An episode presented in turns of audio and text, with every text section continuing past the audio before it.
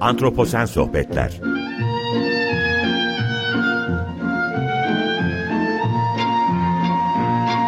Hazırlayan ve sunan Utku Perktaş Merhabalar, Antroposen Sohbetleri hoş geldiniz. Ben Utku Perktaş. Bugün Antroposen Sohbetler'de konuğum Profesör Doktor Suavi Aydın olacak. Birazdan e, Suavi Hoca'yı yayına alacağım. Kendisi Bilkent Üniversitesi Tarih ve Edebiyat Bölümü öğretim üyesi. E, Suavi Hoca ile antroposen kavramının toplumsal inşası üzerine konuşacağız. Şimdi programa başlarken, e, söyleşiye başlarken Emily Brooks White'tan bir alıntıyla başlamak istiyorum.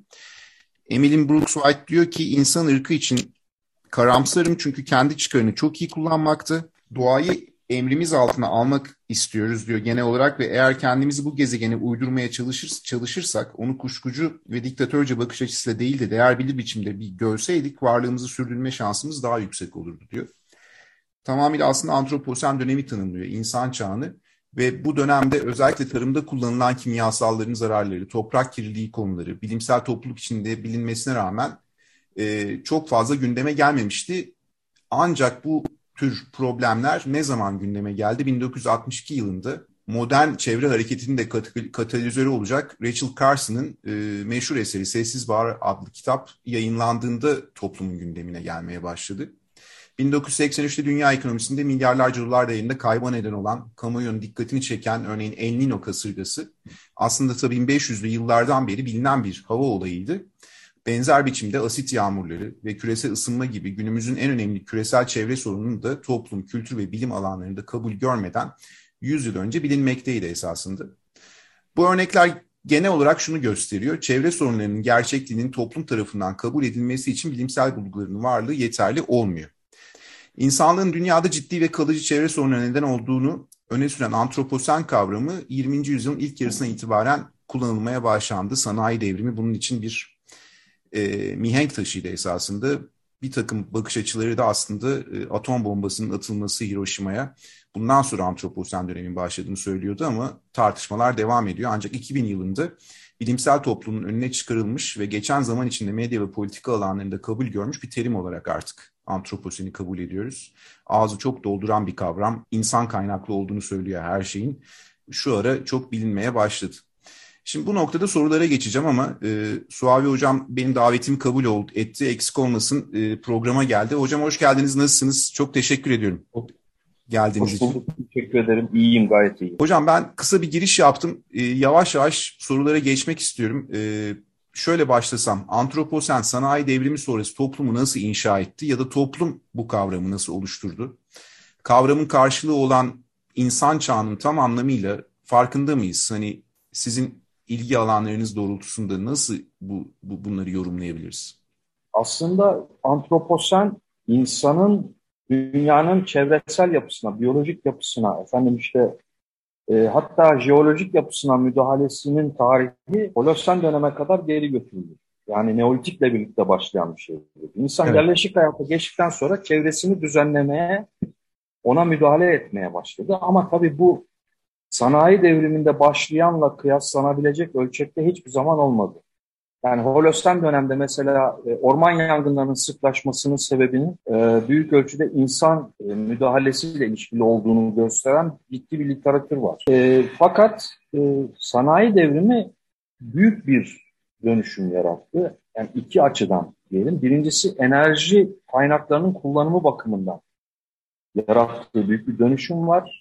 Yani organik enerji kaynaklarından inorganik olana geçiş gibi, gibi söyleyebiliriz. Ve bunun hacminin muazzam artışından bahsedebiliriz. İkincisi de nüfus artışı. Yani bu iki şey, e, iki olgu diyelim, e, müthiş bir dönüşüme, değişime yol açtı. E, yani şöyle bir şey söyleyeyim. 1860'da taş kömürü üretimi dünyada 132 milyon ton kadar. Evet. Fakat 1979'a geldiğimizde 1 milyar 800 milyon tona çıkıyor. Yani enerji enerjide kullanıyoruz biz bu kömürü. Elbet. Dolayısıyla muazzam bir e, enerjide kirletici kaynak kullanımı ortaya çıkmaya başladı. İki, nüfusun artışına bağlı olarak büyük bir tüketim hacmi ortaya çıktı ve buna yetişen yetişmeye çalışan bir sanayi büyümesi, sanayi büyümeden söz ediyoruz. Elbette sanayi devrimi ortaya çıktıktan sonra insanın çevreyle olan ilişkisi ya da çevreye nasıl müdahil olduğu gibi konular konuşulmuyordu. 19. yüzyılda temel mesele sınıf meseleleri. E, çünkü temel çelişki orada görülüyordu. E, üretimde rol alan sınıfların birbiriyle ilişkileri üzerinden bir takım siyasi e, gruplar ve ideolojiler ortaya çıktı.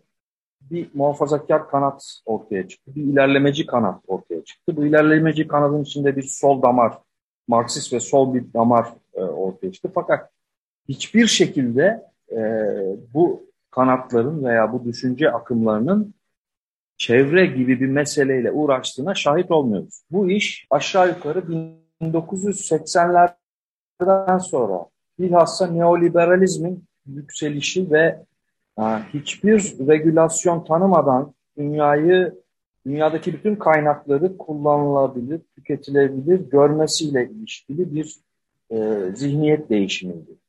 Buna bağlı olarak çevreci hareketler, anti-humanist hareketler, post-humanist hareketler gibi bir takım e, yeni düşünceler ortaya çıktı ve bunlar siyasallaştı. Esas itibariyle e, yani bu hem post-humanist hem anti-humanist bakış açısının temelinde e, dünyada sadece biz yaşamıyoruz, büyük bir biyolojik çeşitlilik içinde varız ve bu varoluş biçimimizin farkına varmamız lazım gibi bir itki rol. Buna paralel olarak da dünyadaki bütün kaynaklar bizim hizmetimize sunulmuş e, bir e, nasıl diyelim e, yağma alanı değildir. Bunu sınırlı kullanmamız lazım. Zaten insanlığın geleceği de bununla ilgilidir. Bu gidişat böyle devam ederse insan sonunda kendisini yok edecektir gibi bir fikrin temellendirilmeye başlandı. Antroposenin yani antroposen e, sözünün ortaya çıkışı, kullanıma girişi, e, yoğun biçimde referans haline gelmesi bundan sonradır.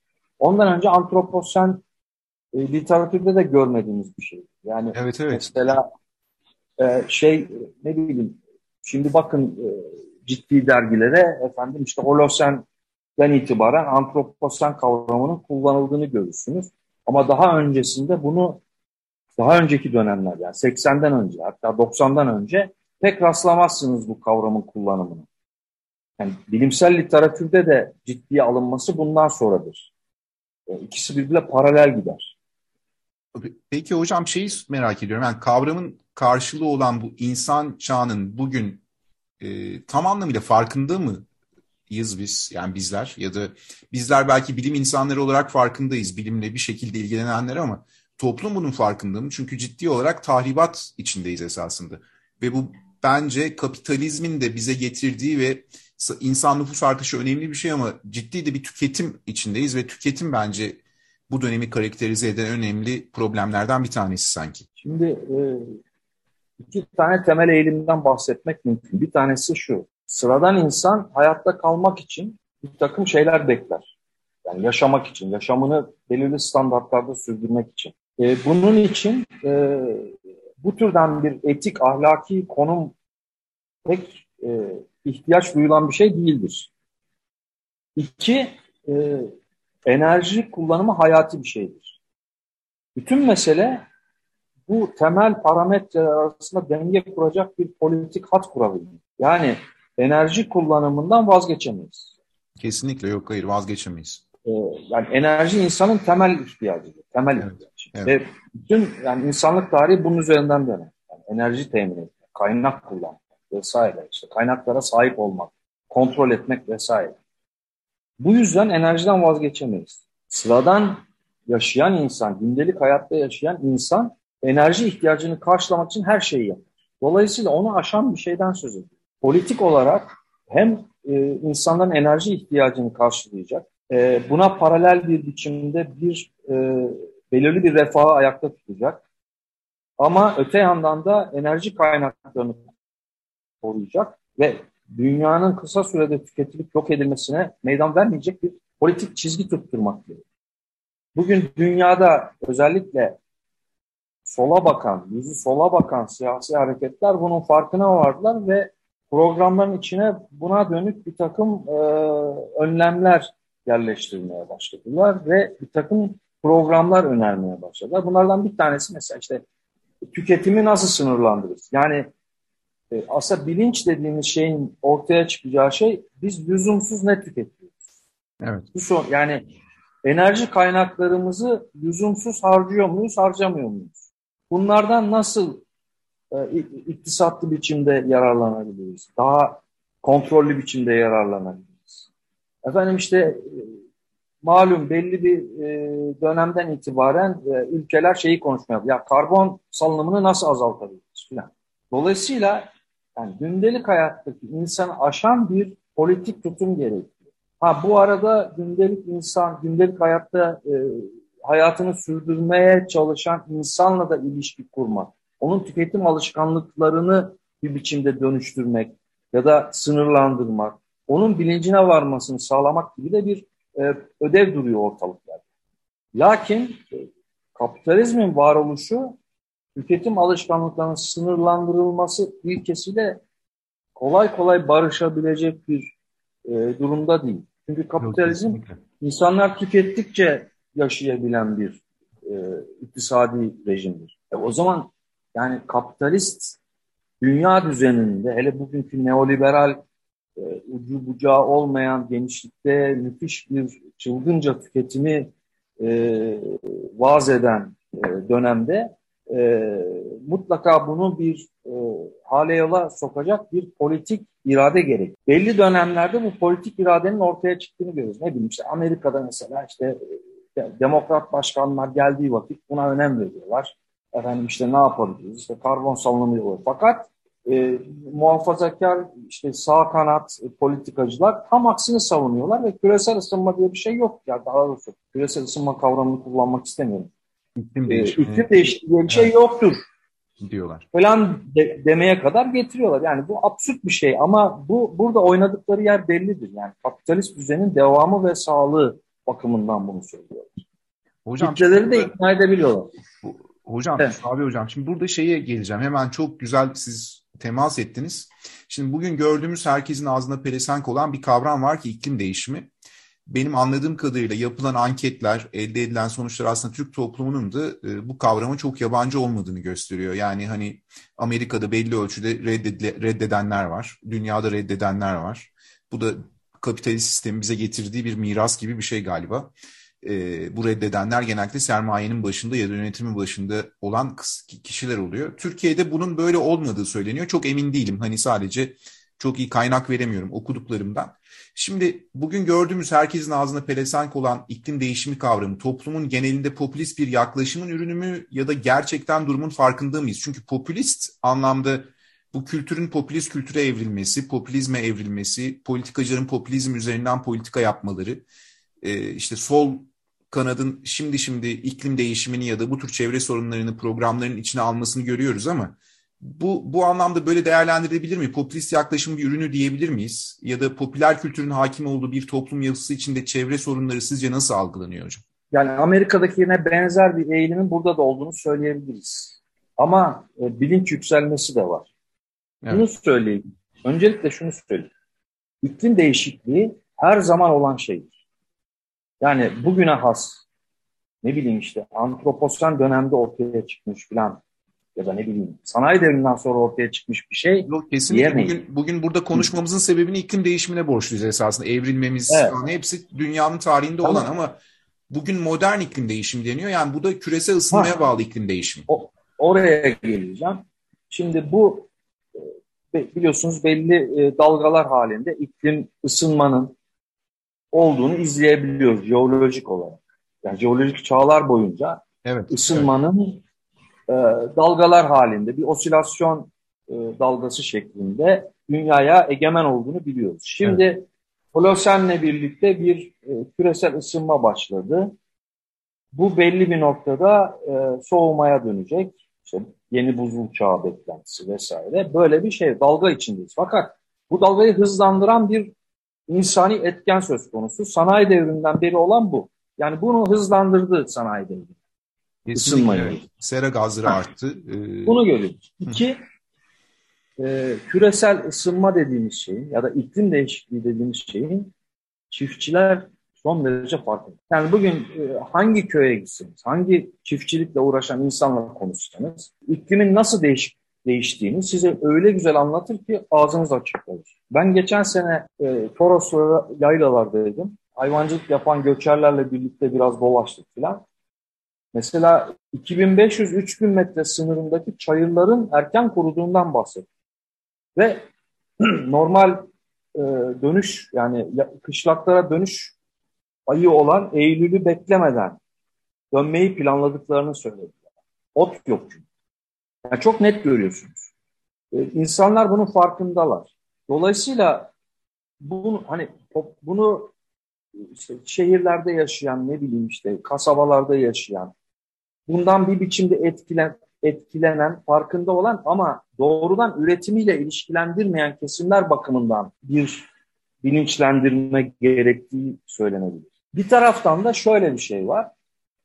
Biraz önce söylediğim o enerji ihtiyacı. Yani insanın tüketmek zorunda olduğu bir enerji. E, bundan vazgeçmesini bekleyemeyiz. Bununla küresel ısınma arasında ilişkiyi kuracak bir politik hattan söz ediyorum. Sağlıklı bir politik hattan söz ediyorum. Evet. Bunun dışında popüler kültüre mal olmuş e, bir yerde e, doğru düzgün analizlere dayanmayan analiz şeylerin, çevreci tutumların da boşa çıktığını görüyor. Burada bir denge kur. Ha bu dengeyi kim kurar? Bu dengeyi yine politika yapanlar. Yani memleket efendim nereye ne yatırım yapılacak? Nereden ne çıkarılacak? Nereyi korumak lazım?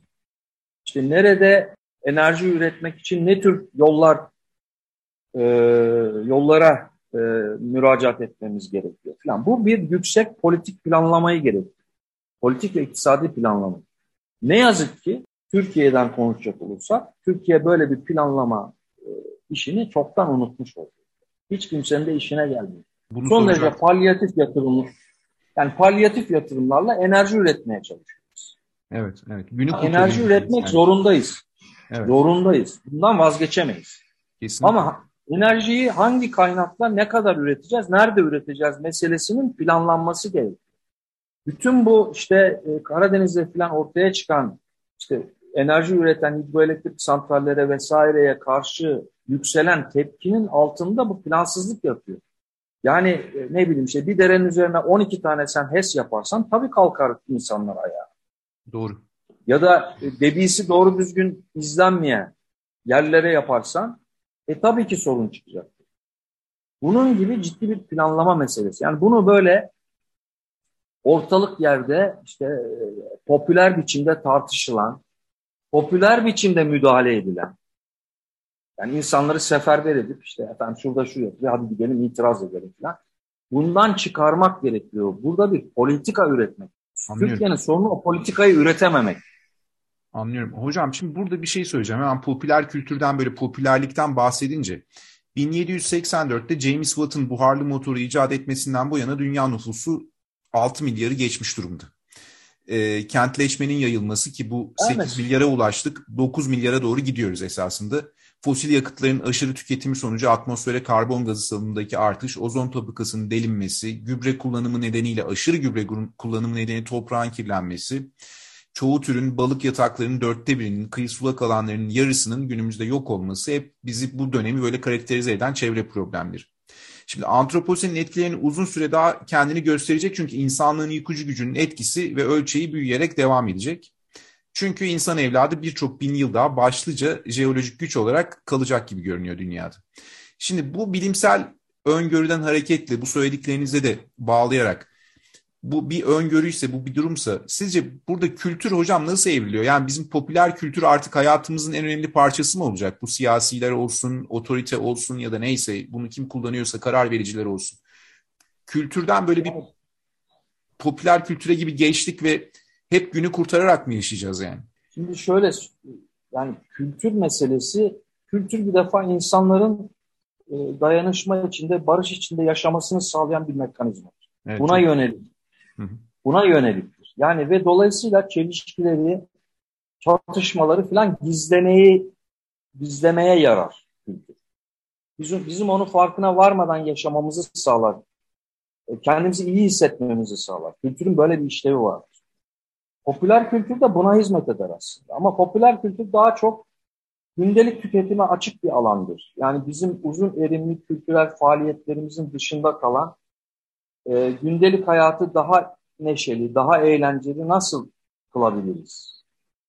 Üzerine bir endüstrinin üzerine inşa edilmiş bir yeni kültür hattıdır. Yani ha, bu ayrı bu soracaktım size. Çok çok ha, bu, Sağ olun. Bu, yani bir kültür endüstrisi diye bir şey var. Bu e, radyo, televizyon, efendim sinema, e, şimdi işte e, video kanalları, YouTube, bilmem ne, şu bu, bu bir kültür endüstrisi. Biz bu, bunları tüketerek zaman geçiriyoruz. E, zamanımızı iyi geçirmeye çalışıyoruz. Eğlenceli geçirmeye çalışıyoruz ve burada kötümserler buradan iyi bir şey çıkmaz dediler. Yani bunu analiz eden daha önce özellikle Frankfurt okulu falan.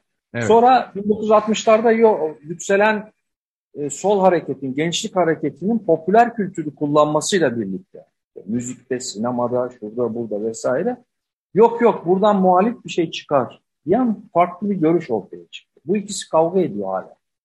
Ve, ve bu e, bence kavga edecek bir şey yok. İkisi de doğru. Yani popüler kültürü kullanmadan siz bugün mesajlarınızı iletemezsiniz. Popüler kültür alanını diye. Onun üzerine binmeniz lazım. Yani muhalif mesaj da e, veya muhalif politikada e, popüler kültürü kullanmak zorunda. Bence temel sorun kültür meselesinde yani kültürü nasıl kimin elinde, kim tarafından, ne şekilde kullanılacağından çok kullanılacağının ötesinde bizim mekanla kurduğumuz ilişkinin yeniden düzenlenmesi. Çünkü her şey buna bağlı. Yani bir takım şeylere alışıyoruz. Kültürel olarak alışıyoruz ve bir habitusumuz oluşuyor. Yani habitat kavramını insani alana taşıyan kavramdır habitus. Bourdieu'nun önerdiği. Bir hayat alanı, bir alışkanlıklar alanı. E, bütün her şey burada gerçekleşiyor. Ve biz kent denen bir habitusun içine sıkıştık. Doğru. Ve kent denen şey dev bir şey. Aslında gayri insani. Yani Ankara'da 5 milyon insan yaşıyor. İstanbul'da 20 milyon mu 15 mi? Yani bunu doğal doğal görüyoruz. Böyle bir şey olamaz. Yani 16 milyondan fazla evet. Fatalca Silivri Yarımadalarına o incecik bölgeye siz 20 milyon insanı nasıl oturtursunuz ya? Ya da ne bileyim Şangay'da 25 milyon insan yaşıyor. Aman yani bunların normalleşmesiyle kavga etmemiz lazım. Bu insani bir şey değil. Şehir bu kadar büyüyemez. Bu kadar büyürse sizin sanayinin verdiği zarardan daha fazla zararı çevreye verdiğini göreceğiniz yeni e, space'ler ortaya çıkar. Şehirler çok doğru bir tespit hocam. Bakın, çok güzel oldu. Yani şey var Google Earth'e bakın ya da ne bileyim istediğiniz e, hı hı. mecradan bakın. Gece evet. dünya ışıl ışıl bir şey görüyorsunuz. Amerika özellikle zengin ülkelerin üzerinde gezdiğiniz. Ee, Kuzey Amerika parıl parıl. Avrupa parıl parıl. İşte Türkiye'ye geldiğinizde İstanbul parıl parıl. Ya olmaması lazım. Buradan iyi bir şey çıkmaz. İnsanı buraya sıkıştırırsanız ne bundan insan, doğru düzgün insan çıkar ne çevre korunur bilmem ne. Yani yani şunu demek istiyorum. İstanbul'un kuzey çevre ormanlarını korumak için işte e, seferber olalım, ne bileyim işte aktif olalım filan. Bu nafile bir çabadır. Siz o ormanın dibine 15-20 milyon adamı, insanı yerleştirirseniz o orman filan hikaye yani o hiç o ormanın herhangi bir şeyi koruma imkan ve ihtimali. Çok doğru. Ya da ne bileyim onun korunmasından bir şey çıkmaz. Anlıyorum. Çok doğru. Orada insanı seyretmek gerekiyor. Temel mesele insanı seyret, seyretmekle ilgili bir şey. 6 milyar, 7 milyar insan bu dünyaya fazla gelmeye başladı. Yok kesinlikle Bizim, taşıma kapasitesini aştık. Yani e, bir e, nasıl diyeyim bunu düzenleyecek bir takım yollara gittik. Tabii ki şey değil yani insanı yok edecek halimiz yok. Ne, ne, ne münasebet yani. Yok asla yani öyle o bir şey değil. Anti-humanist e, bir takım zer, e, şey e, tezviratla da hiçbir evet. şekilde yakından uzaktan yakına ilgim yok. Nefretle karşılıyorum ama şimdiden sonra insanı seyretmek, insanı dünyaya doğru düzgün yaymak. Anladım. Anlıyorum Bununla hocam. ilgili bir planımız, programımız çevreyi başka türlü koruyamaz, koruyamayız. Yani oraya buraya gidip aktivist eylemlerle falan ancak kendini gösterirsin e, ve yürüyen şeye de çok fazla engel olamaz. Yani iki tane temel meselemiz var. Bir tanesi doğru düzgün politika, program, plan yap. İki, nüfusu se seyretmek. Seyretmek derken genişletmek, yaymak. Yani İstanbul'da 20 milyon, Şangay'da 25 milyon insan yaşamamalıdır. Yaşayamaz zaten. Yaşayamıyoruz ama bunun farkında değiliz. Yo, değiliz Ve popüler evet. kültür bunu Çoğalmaya örtüyor. devam ediyoruz, evet. Bak çoğalma neticesinde yani biz yaşadığımızı zannediyoruz bu şeyi. Yani İstanbul'da e, gününün 3 saatini trafikte geçiren insan yaşadığını zannediyor. Çok haklısınız. yani üretime, yaratıcılığa ayrılabilecek 3 saatinizi, 4 saatinizi yollarda geçiriyorsanız ve onun yorgunluğuyla bir şeyler yapıyorsanız oradan bir şey çıkmaz. iyi bir şey çıkmaz. Çok haklısınız hocam. Bunun Zamanın normalleşmesiyle şey. kavga etmemiz. Bunun evet. normalleşmesiyle kavga etmemiz lazım. Yıllardır efendim işte Kuzey Marmara ve Güney Marmara'ya yığılmış sanayinin Anadolu'ya yayılması, bir, bir şekilde Anadolu'da ya da Türkiye'nin e, bölgelerinde yeni e, merkezler yaratılması gibi bir proje var insanların dilinde. Ama bu bir türlü hayata geçmiyor. Anlatabiliyor muyum? Yani bu nüfusu seyretmezsek buradan çıkamayız.